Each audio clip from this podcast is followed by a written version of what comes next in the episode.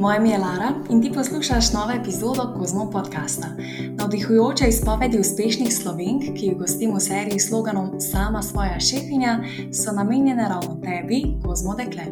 Na svete znanih slovenk lahko poslušaš, ko v svojem divjem ritmu plešeš skozi življenje in iščeš navdih, kako uresničiti svoje sanje. Zagotavljam ti, da bodo njihova razmišljanja o uspehu prebudila šefinjo v tebi. V 12. epizodi gostim Adriano Dimec, lastnico blagovne znamke Mera, vplivnico, mamico Maxu in Aurori in ženo košarkašu Žigu Dimcu. Hej, Adriana, vesela sem, da si si kljub tvojemu natrpanem urniku vzela čas za tale podcast. Pa me najprej zanima, kako si danes pričela svoj dan. Živijo, najprej hvala, no, da ste me povabili. Upam, da bomo povedali kaj zanimivega danes za vaše poslušalce. Um, sicer pa, ja, mislim, imamo zdaj kar natempirano, ker v bistvu naslednji teden že z otrokoma odhajam v Nemčijo na um, Evropsko prvenstvo. Tako da skušam zdaj si v bistvu vse vnaprej malo pripraviti in urediti, da lahko potem se malo odklopim, potem ko bomo tam.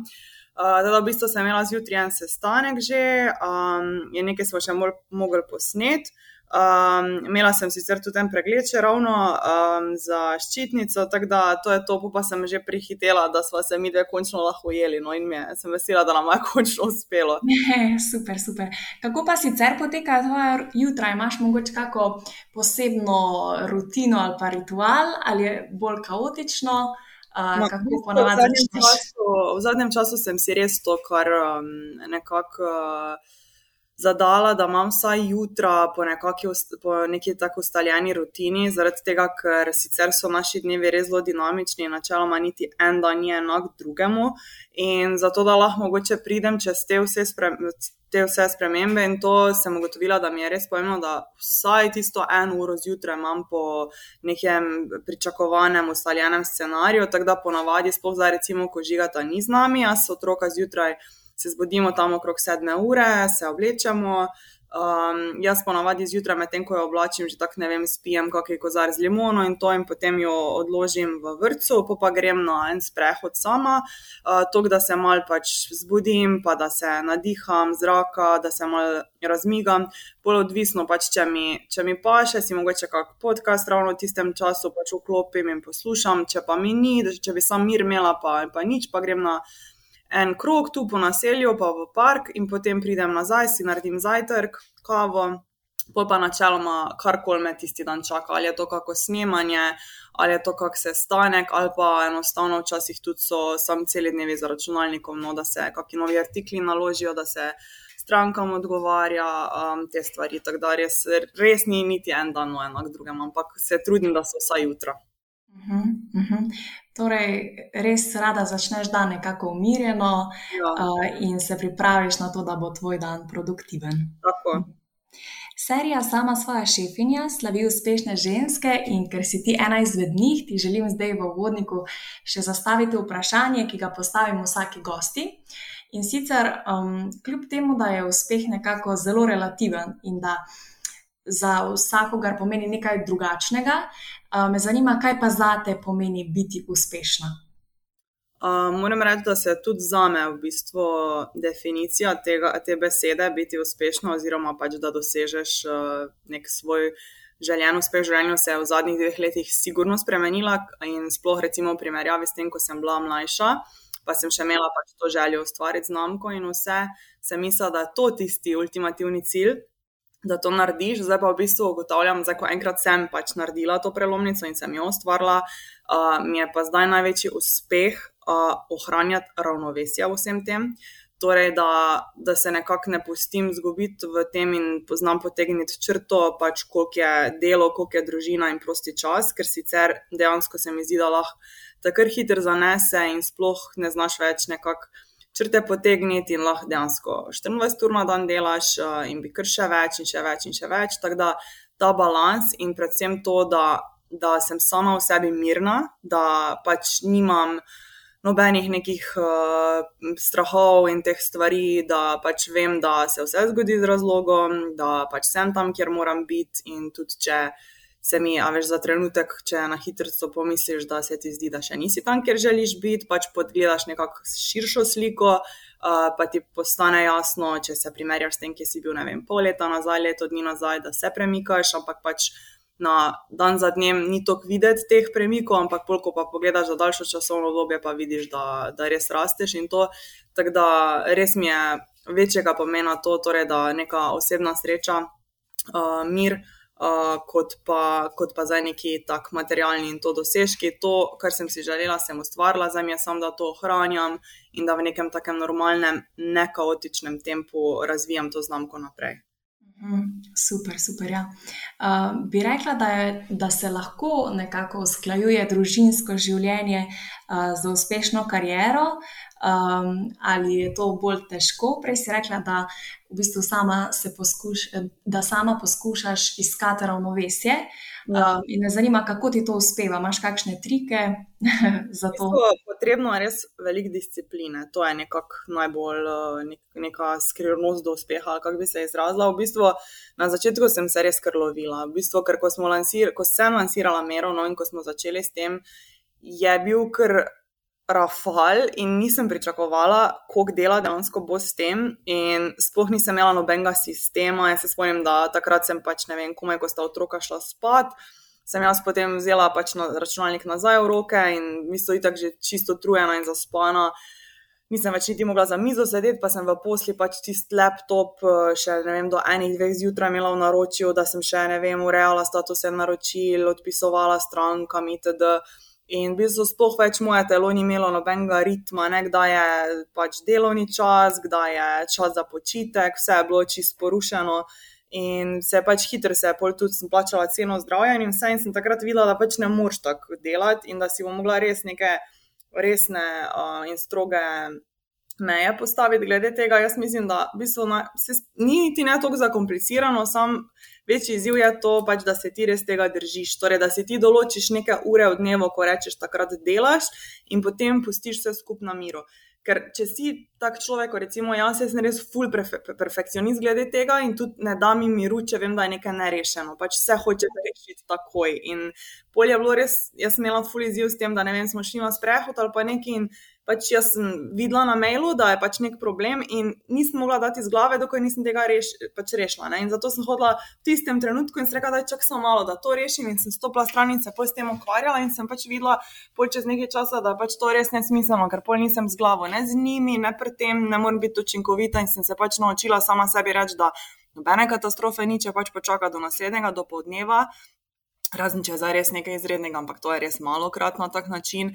In da v bistvu nekako spustim svoj pre, ta svoj perfekcionizem glede tega iz rok, da se mal res uh, omehčam glede tega, um, pa da nisem tako stroga sama do sebe in da, da potem pač res ločim, da delovni čas je takrat in potem pač pustim vse to na miro in se reši takrat, pač, ko se začne nov dan. Mhm.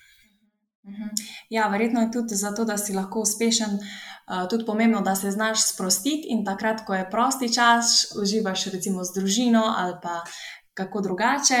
Ja.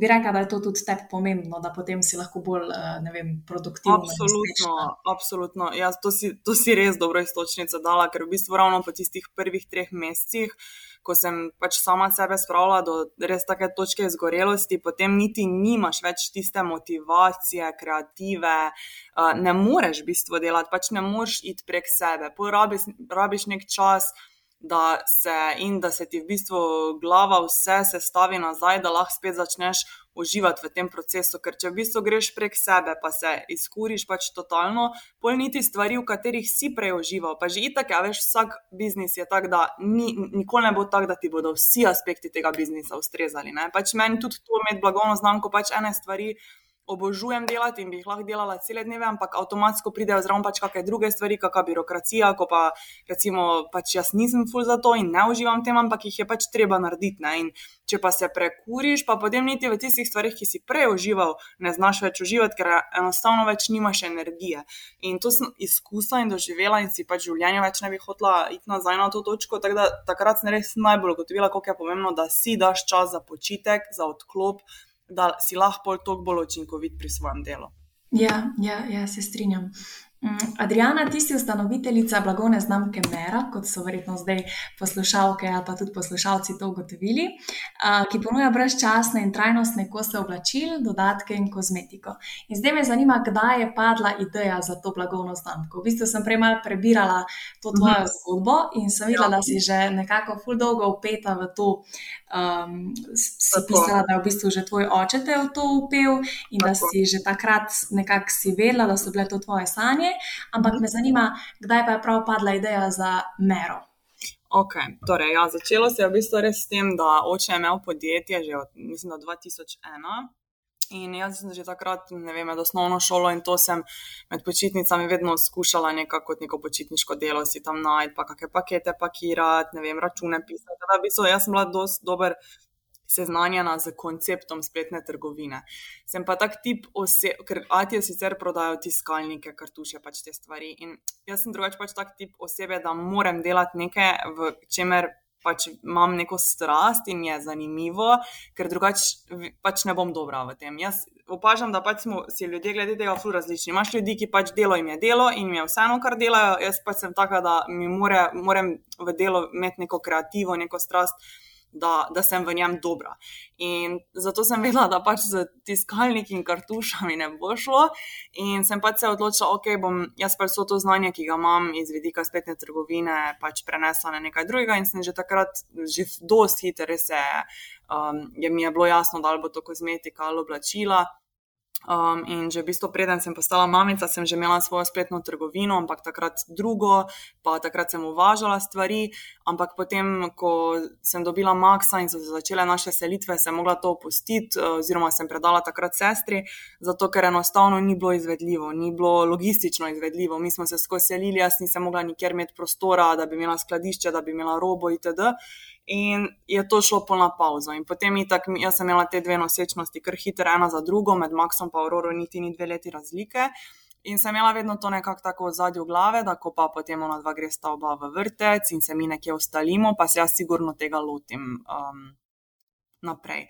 V tem času pa je meni tudi zelo zrasla pač ta publika na Instagramu in ta skupnost, in um, ful se je začel ta uh, marketing in te kampanje, in sem potem jaz tudi tu dobila spet neke nove poglede v to, neke nove izkušnje, uh, neke nove perspektive. In hitro sem v bistvu se zavedala, da če se že grem nekaj, da pač hočem delati drugače. Da opažam, da je res poplava nekih izdelkov.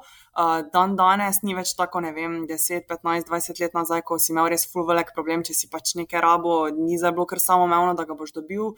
Mislim, in zdaj nekaj specifičnega, recimo zdaj pa se mi zdi, da imamo obratni problem, da dejansko karkoli si na misliš, lahko jutri greš, mislim, greš čez eno uro kamorkoli kupiti, oziroma lahko greš v šest različnih trgovin, šest različnih ra različic tega produkta kupiti, ampak je pa ful velik problem, če pa iščeš nekaj res, res kvalitetnega. Ja. nekaj, kar hočeš, da ti bo služilo dlje časa. In tako sem jaz sama začela opažati, če sem si hotela kupiti neko, ne vem, klasično obleko ali pa hlače ali pa topki, sem hotela, da. Bi pa, pač vedela sem, ok, jaz bi pa za to dala več denarja, sem pač hočem, da bi res bilo v nulo. In se, mi je bil full velik problem najti take stvari. Začela sem opažati, da tudi veliko od teh, ne vem, nekih dizajnerskih stvari, pa to so, so šli ful na maso in na račun tega pač zgubili na kvaliteti. Ne? In da tudi, kaj sem začela ugotavljati, da visoka cena ne pomeni nujno vedno kvalitete. Ne?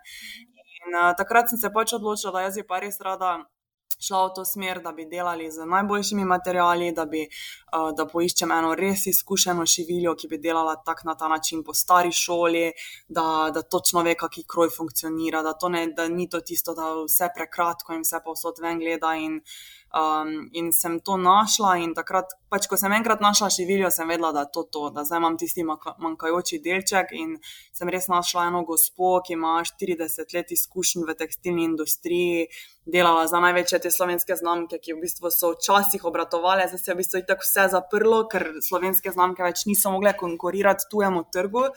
In sva se pač lotili, in sem full, full, full vesela. In še reče zdaj, ko bo v bistvu že skoraj dve leti od tega, moram reči, še vedno noro uživam v tem procesu. Super, super. Um, če pa se zdaj vrneš nazaj v svoje otroštvo, me zanima, kaj si je želela postati mala Adriana. Se mogoče spomniš, kaj si si takrat želela in ja, kako je povezano s tem, kar si danes. Ma, povezano niti ni. Um, recimo, ko sem bila full, full mehna, še tam ne vem, 4-5 let, uh, vem, da sem fužila pevka biti. to je no, na noben način povezano, ampak polko pa sem že šla tako iz osnovne šole v srednjo, pa sem imela full veliko željo biti zdravnica. Teda, zato sem potem tudi šla v, na gimnazijo in se tam pač poločila in uh, uh, delala za ta odlični uspeh in maturo in vse. In, um, sem res pač mislila, da je to nekaj takega, kar si želim. Potem pa vedno bolj, ko sem razmišljala, pa ne vem, nekako poslušala izkušnje um, ostalih starejših od mene, ki so se odločili za študij medici, medicine, pa tisti, ki recimo so že potem delali ta, te specializacije in, in tako naprej.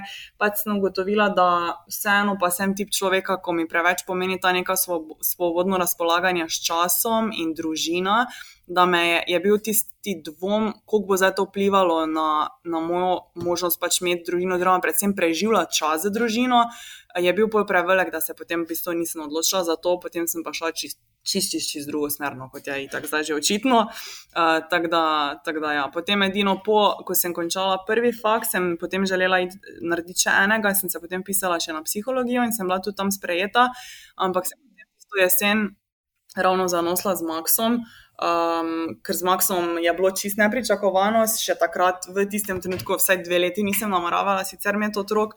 Um, teda sem potem pač si mislila, ok, mi je bilo že tako namenjeno in teda potem nisem, um, nisem potem dansko šla. Ampak če, če recimo ne bi takrat zanosla, bi potem tako nadaljevala, da bi šla še psihologijo, ker to mi je recimo tudi eno ful, ful zanimivo področje. Ah, mm. Kaj si pa prvotno študirala? Um, na turizmu sem, takrat je bil pa tisti nov program uh, ko si se lahko prav specializiral za te velneške dejavnosti, torej zdravilišče. Ja, to. Tako da tisto mi je bilo pa noro zanimivo. Mislim, meni je bil v bistvu kar šok, ker sem prišla iz gimnazije na to, na visoko šolo in mi je v bistvu bilo prav smešno lahko, ampak mi je bilo pa ob enem res ful zanimivo, zato ker si se učil sama uporabna znanja in dejansko taka, ki si jih lahko ti apliciral čisto na vsakodnevno življenje. Dobesedno učili smo se o tem, kako izboljšati uh, življenje posameznika na vseh možnih področjih in iz vidika duševnega zdravja, gibanja, take stvari. Tako da sem se tam res totalno našla. Mhm. Potem pa torej psihologije nisi šla študirati, ampak še vse verjetno um, nekako so ti te teme všeč in jih tudi lahko ja, uporabiš v svoji. Ja, beremo o tem, ful dosti podcaste na to temo, ful poslušam. Uh, o tem se res furada pogovarjam, tako da ja, še vedno mi je uh, ful, ful, zanimiva tema. Super, ja. Verjetno bi ti tudi nekako psihologija potem pomagala pri tej tvoji karieri, ker nekako to znanje nikoli ne škodi. Ja. Um, ampak sej, marsikaj se lahko danes tudi sami od sebe naučimo. Itak. Ja, itak. Uh -huh. uh, si v bistvu potem že tekom gimnazije ali pa študija spoznavala svojo podjetniško plat, ali se je to potem zgodilo kasneje z rojstvom uh, Maxa? Ja, ne, v bistvu, ja, imela sem sicer se pravim podjetje že preden se je Max rodil, samo sem ga takrat mogla dati pol na stran, uh, ko sem začela to življenje z žigatom živeti, ki je mal bolj um, drugačno od običajnega. Ampak uh, sicer pa se mi zdi, da najbolj se je to v meni prebudilo. Mislim, da sem šla zadnjo leto faksa, ko sem končala, fa tako, ja, ko sem končala faks, sem šla za polet, eno poletje delati v Ameriko. Uh. Jaz mislim, da se je tam najbolj prebudila ta želja v meni, ker sem tam spet videla nek drugačen način razmišljanja, kaj se tiče podjetništva. In sem videla, kaj oni mogoče drugače delajo, ali pa vejo, kar že mogoče slovenci še ne razumemo. In, in sem ful spet, so se mi neki novi pogledi na to odprli in sem se pač tako odločila, da bi rada te stvari tudi ful aplicirala v svojo prakso. In, uh, in se mi zdi, da takrat, ko sem prišla iz Amerike, sicer najprej mi je bilo ful težko, ker sem se tam tako navadila tam je bilo res fulušeč, da tam, če si bil želen dela, če si hotel delati, si dobo delo in si bil ful cenjen. Pač tam, mm -hmm. v primerjavi z študentskimi izkušnjami tu, ko je bilo pač samo umevno, da študenti opravljamo nenormalno odgovorna dela ne? in pač to je bilo kar samo umevno in noben za njih nekaj ekstra za ceno, če si to delo, pač je bilo, če hočeš delati, boš mogel vse to. In tam pa je bilo res ono, da kak si pokazal malo tisti dodatni procent neke samo inicijative ali pa kaj v tem smislu pa si bil takoj prepoznan, takoj nagrajen, tudi denarno nagrajen, pač samo od sebe, da le ta teden si pa res ful dobro delal, dobiš bonus. Ne, pač jaz tega pri nas nikoli nisem doživela in sem videla, v bistvu, kako moč ima ta.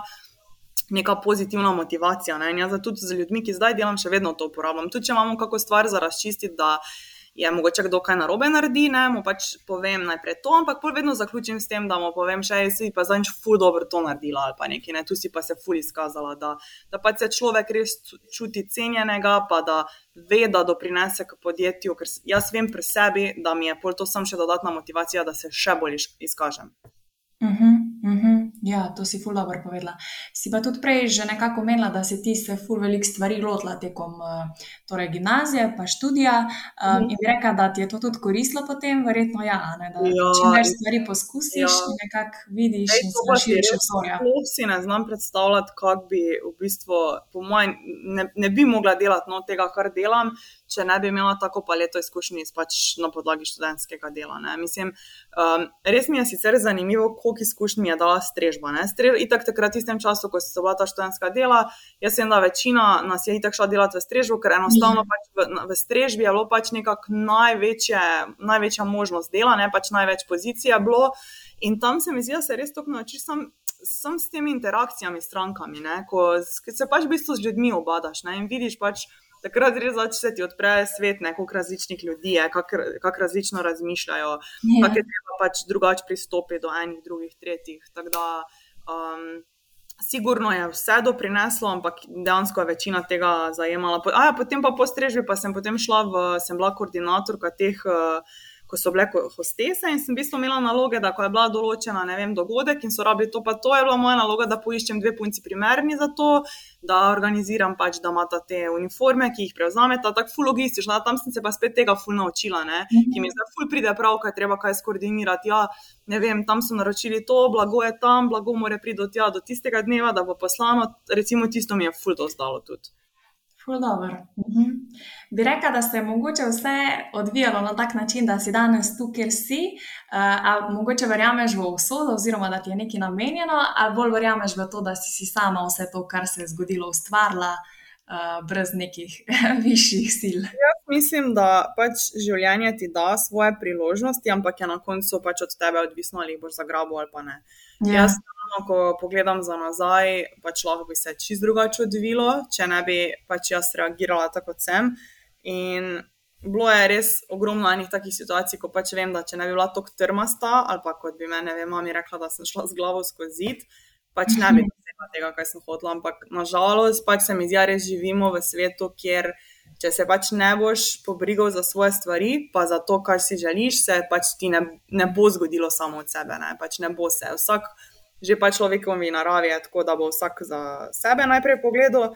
In, in pač dejansko to sploh ne pomeni, da moš biti eh, ne vem, nefer ali pa ne vem, iče strupla. Ti si lahko zelo fer, ampak vseeno moš vedeti, da moš pač sebe res postaviti na prvo mesto in se zavedati, da brez nekih odrekanj in brez nekega trdega dela se pač ne bo zgodilo nič. Teda, tudi, ko že nekaj dosežeš, tudi, da veš, ne vem, lansira mero, je full wow, ampak ok, pač razmišljaš naprej. Ne? Ok, si dal eno kolekcijo ven, je bila uspešna, kaj pa zdaj, še vedno moš naprej delati, naprej razmišljati. Pač se, veš, to, ko pravijo. Da je um, lažje priti na vrh, kot pa ostati na vrhu. Uh -huh. Skozi yeah. uh, razmišljati, ne? kaj bo zdaj tvoja naslednja poteza. Um, tako da nikoli se to ne konča. Uh -huh, uh -huh. Po drugi strani je pa tudi to nekaj lepega, ker dejansko je zelo dinamično, ja. vedno se nekaj dogaja in sploh ti, ko si reka, da si taka oseba, kreativna, da rabiš vedno nekaj novega, je verjetno to super. Ja, ja, si delo. Uh -huh. Kako se spominjaš pa v bistvu teh tvojih začetkov uh, mere? Uh, kaj ti je recimo predstavljalo največjo oviro pri snovanju blagovne znamke? Um, kdo ti je pri tem pomagal, če ti je kdo?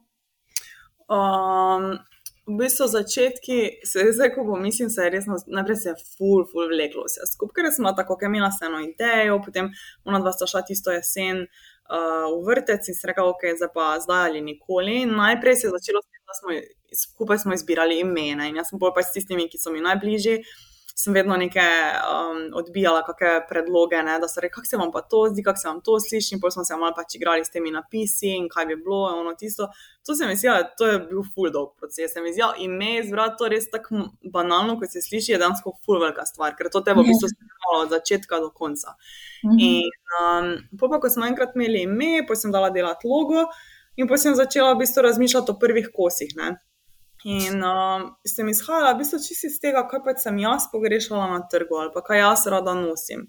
In uh, tako sem prej rekla, prvi korak je bil, da sem poiskala šiviljo, potem sem do nje pristopila s temi svojimi idejami, uh, potem je sam ona dala neke smernice, sem rekla, ok, pač hočem to obleko, pri tej obleki mi je pomembno to, to, to, to, kaj mi predlagaš, kak tip blaga iščem. Ne? Ona mi potem pove, ne vem. Uh, tu bi se ti najboljše obnesla ta mešanica ali pa to, gordol.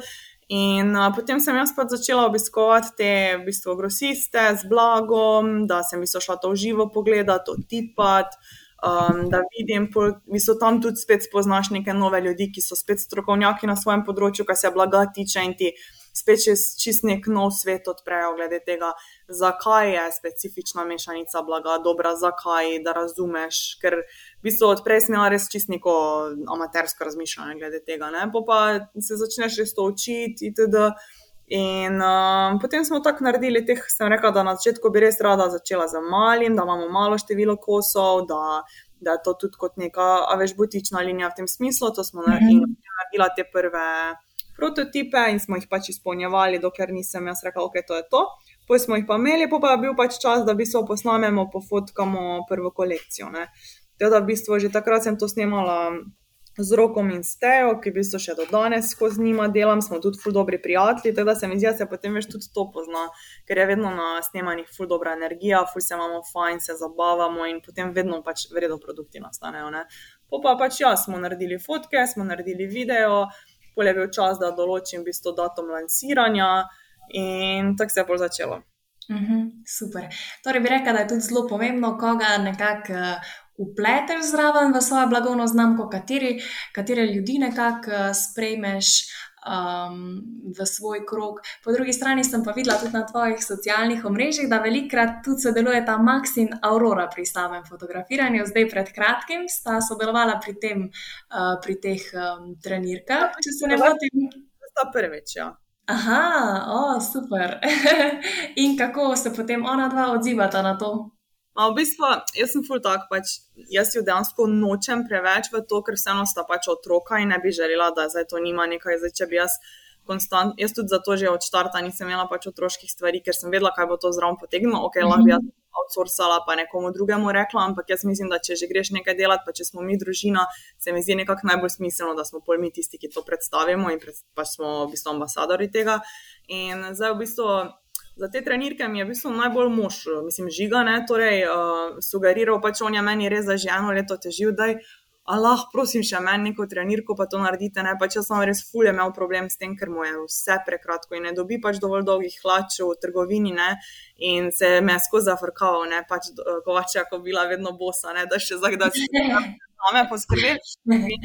Kaj naredimo? Ne, pol sem bila ok, če mi je že šivirja delala, in bolj mi je sama šivirja rekla, ja, kaj pa ne bi še naredili za Maxa pa Aurora. In najprej je bilo to samo tako, ajde, naredi, pač, ne vem, kam smo ravno takrat šli nekam z letalom, pa sem rekla, da gre, naredi, ima pa bo tam imela pač zdravo tak. In pol so bili to klušno izpada, sem rekla, pač to je bilo prav škoda, da ne vključimo. In zdaj smo imeli ravno en prost dan in vsi smo bili skupaj. In sem rekla, kaj pa če zdaj kar to naredimo. In tako se sem rekla, delali bomo s tejo pa z roko, mi smo bili tudi skupaj na morju, tako da otroka jo poznata, vedela sem, da, da ne bo zdaj to neki tujci, da bi zdaj mogla biti, da bi jim bilo neprijetno da lahko naredimo v bistvu fuligrivo, da se zraven zabavamo in rekla, le, če že, potem je v takih okoliščinah sigurno še najbolj sprejemljivo, uh, smo to naredili in mi je pač super, ampak nimam pa zdaj nekega namena tudi naprej, da bi nekaj ful delala na otroških stvarih, ravno iz tega vidika, ker se mi zdi, da bi bilo nefer od mene, da jo pač postavim take situacije v pač tem obdobju, ko bi se še nista sposobna sama pač odločitev sprejemati. Tako da jaz pač tu res pazim, dokler vidim, da se ima ta fajn, da ima je cool, da sta del tega, pol pač rečem, ok, daj, če pa pač vidim, da, da ima postane ono, da ima ni, pa jo pač ne silim to. Ja, ja, super, super. Ja, res sem tudi na teh storijah videla, da ste vsi uživali in uh, verjamem, da bo to tudi ena super zgodba ja, še nastala iz tega. Bi nam mogoče še zaupala, kaj bi svetovala vsem kozmošefinjam, ki se odločajo za samostojno podjetniško pot? Máš mogoče kak na svet za njih? Ja, imam. In to imam zato, ker v bistvu odkar imam jaz smero, vsaj ne vem, tri kolegice, po moje, smo že šest, sem šla z njimi čez ta proces, ko hočejo nekaj narediti in mučka. In pač res moj nasvet je to, da, da ne čakati na popolne okoliščine, da pač sam začeti je treba. In v bistvu to je tudi nasvet, ki bi ga dala sama sebi tri leta nazaj. Ker bistvu res, ko pomislim, pa se svojim, kako dolgo sem jajcala, pa, pa cincala, pa nija, pa ni za to, pa se tisto ne poklopi. Dejansko moraš sam začeti. In pol, pač prej, ko začneš, prej boš na točki, na tisti, kateri želiš biti. Torej, itak noben ne bo začel in bo sprve točno to, kar si, kar si, kaj je tvoja vizija, kaj je tisto. K čemu ti stremiš. Ne? In pač potem brand in ti rabiš čas, da se razviješ, da se začneš učiti na napakah, da jih potem začneš popravljati, da te pol spet v bistvu sam sebe v bistvu inspiriraš s prejšnjimi kolekcijami za naslednjo itd. Tako da pač sam začeti in se mi zdi, da se največ naučiš pač sproti. Ne? Torej, se mi zdi, da marsikdo ima ti strah, kao, ja, pa jaz nič ne vem o tem, meni je to fultuje področje, pač meni je dejansko tudi bilo. Ampak pač sam ne smeti biti narodno vprašati. Ne? Jaz kamorkoli sem šel, rekel, ok. A mi lahko zdaj vi to poveste, pač jaz to res ni moje področje, jaz sem tu laik. In vedno boš, no, pač ljudje bodo full veseli. Jaz pol, pol res opažam, oni so tako veseli, če vidijo, da pač pride nekdo, ki ceni njihovo znanje, njihovo strokovnost in jih vpraša in ti bo res veseljem pomagali. Teda pol je na koncu skrivnost res samo v tem, da si poiščeš prave ljudi, se jih tako takoj začutiš, kdo je, kdo ni. Um, in se tistih držiš in to furaš dalje. Po pa, mogoče moj drugi nasvet pa je, da ko pride do točke, ko vidiš, da je preveč za tebe, da se pač ne boj delegirati. Ne. Mhm je najpomembnejše. Super, ful dobr. Ful dobri na sveti. Zdaj me pa še zanima, kaj bi rekla, da je pa največja prednost tega, da si sama svoja šefinja. Ja, definitivno to, da lahko sam svojim časom razpolagaš. Ne? Sej, tako sem v uvodu povedala, imamo, ja, mogoče to po eni strani tudi tako triki ne? in pač mogoče bo zaradi tega, zaradi tega od tebe potrebne več discipline, ampak mm -hmm. enkrat uspeš to shendlati, pa zbalansirati, pol pač res ni lepšega, ker se lahko mogoče jaz še to toliko bolj občutim, ker imam pač ob boku žigata, ki pa ima totalno kontra od mene, ne? pač on pa v bistvu v celem letu mu on, drugi dirigirajo z njegovim časom. Ne? On pač mora biti ob tisti uri tam, on pač mora biti ob, od septembra do junija s klubom in ne more niti tri dni iti kamorkoli proč. Ne? In jaz mogoče, ko z njim primerjam, pa ne vem, on tudi ko meni govori in to, to res je tak, en tak privilegij, da, da res ra, lahko sam razpolagaš s svojim časom. Mogoče je pri meni to tudi toliko bolj vredno, ravno zato, ker jaz ne vem, kako bi si ser mi dva sploh funkcionirala, ker recimo on, ko iz danes na jutr zve, e, jutri imam pa ne vem, do povdne fraj, jaz če bi zdaj pač imela, re, eh, ne, a veš pač redno službo v smislu, ja. da bi bila biti tam od 8 do 4. Ja. Jaz bi bila zdaj danes na jutri reči, ne, tako pa sem pač, ok, jaz sem sicer stvari jutri narediti, ampak ajde, da vam dva izkoristila, si vzamem do povdne zate, pač vam dva ga skupaj preživela, pa vam pol ne vem izjemoma, ne vem, kasneje malo stisnila, pa bom pač ne vem, naslednji dan malo več naredila ali pa v tem smislu. Ne. Imam to možnost. Tako da se pravi, res si sploh ne znam predstavljati, kako bi handlala no, to vse skupaj, če, um, mm. če ne bi imela te možnosti. Ja, torej se na tak način da tudi uh, zelo različna življenja, torej vajo z, z žigom ja. usklajevati in uh, se v bistvu lahko, lahko na tak način tudi prilagajati drug drugemu. Super, super. Um, zdaj pa bi te vprašala še, kakšni so tvoji cilji v prihodnosti glede blagovne znamke Mera? Mm, nekako najbo, največji cilj trenutno je mogoče kar iti na tojino, zato ker v bistvu jaz sem full vesela s tem, kar smo mi v Sloveniji naredili. Um, glede na odzive slovenskega trga, jaz vidim tu full, full potencijala in uh, nekako že od lani pač razmišljam, da je edina logična poteza bi bila pač skušati. Uh, preiti tudi na tuj trg. Tako da v bistvu zdaj smo začeli malo s pogovori okrog tega, kako bi se mi tega lotili, da malo iščem spet neke prave ljudi, s katerimi bi pač to tranzicijo izvedla. In imam pač ful dober občutek, nič ne v bistvu prehitevam s tem, grem res čisto tako počasi. Um, in upam, da nam v roku enega leta uspe narediti uh, ta premik. Uh -huh, uh -huh. Super.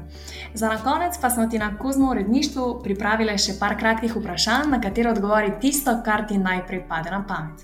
Okay. Kaj bi počela jutri, če bi bil tvoj urnik prost vseh obveznosti? Šla na masažo. Najboljši na svet glede posla, ki si ga kadarkoli, kadarkoli prejela, je? Um, to pa je bil od Atija in sicer v zvezi s tem, da se drži svoje poti, v smislu, naj te ne zavede, da bi se preveč z drugimi ljudmi zapletal, da bi, ker kak ti gre dober, pol vsak bi, a veš, eh, pristavil svojo skledico in bi se nekako tako ful tesno prepletali v svojo firmo. Pač to mi je res, res mi je dal po poti, rekel, gledaj, naredil sem te napake, pač ne ponovi jih. Furaj to sama, tako si začela, furaj do konca. Pač lahko delegiraš, ampak naj bo to tvoje. In uh, tako si začela, tako pač naj ostane do konca. Uh mhm. -huh. Zaupaj nam pet stvari, katerih imaš vedno s sabo v svoji torbi. Razkožilo od leta 2020, Pravilo, telefon, ključe, to je štiri, pa vodo. To to. Super, kaj pa kak rokovnik?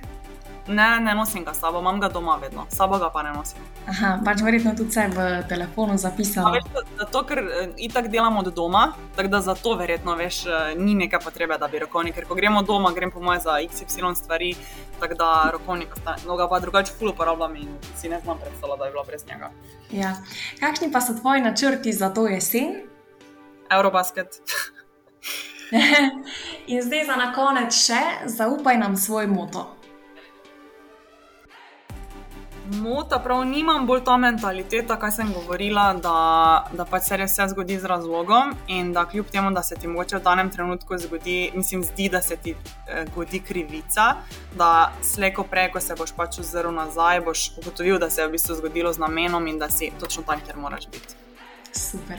Draga Adriana, najlepša hvala za vse te navdihujoče nasvete, za tvoje zgodbe. Uh, hvala ti, da si bila moja gostja in pa lepo bodi. Adijo! Hvala, čau!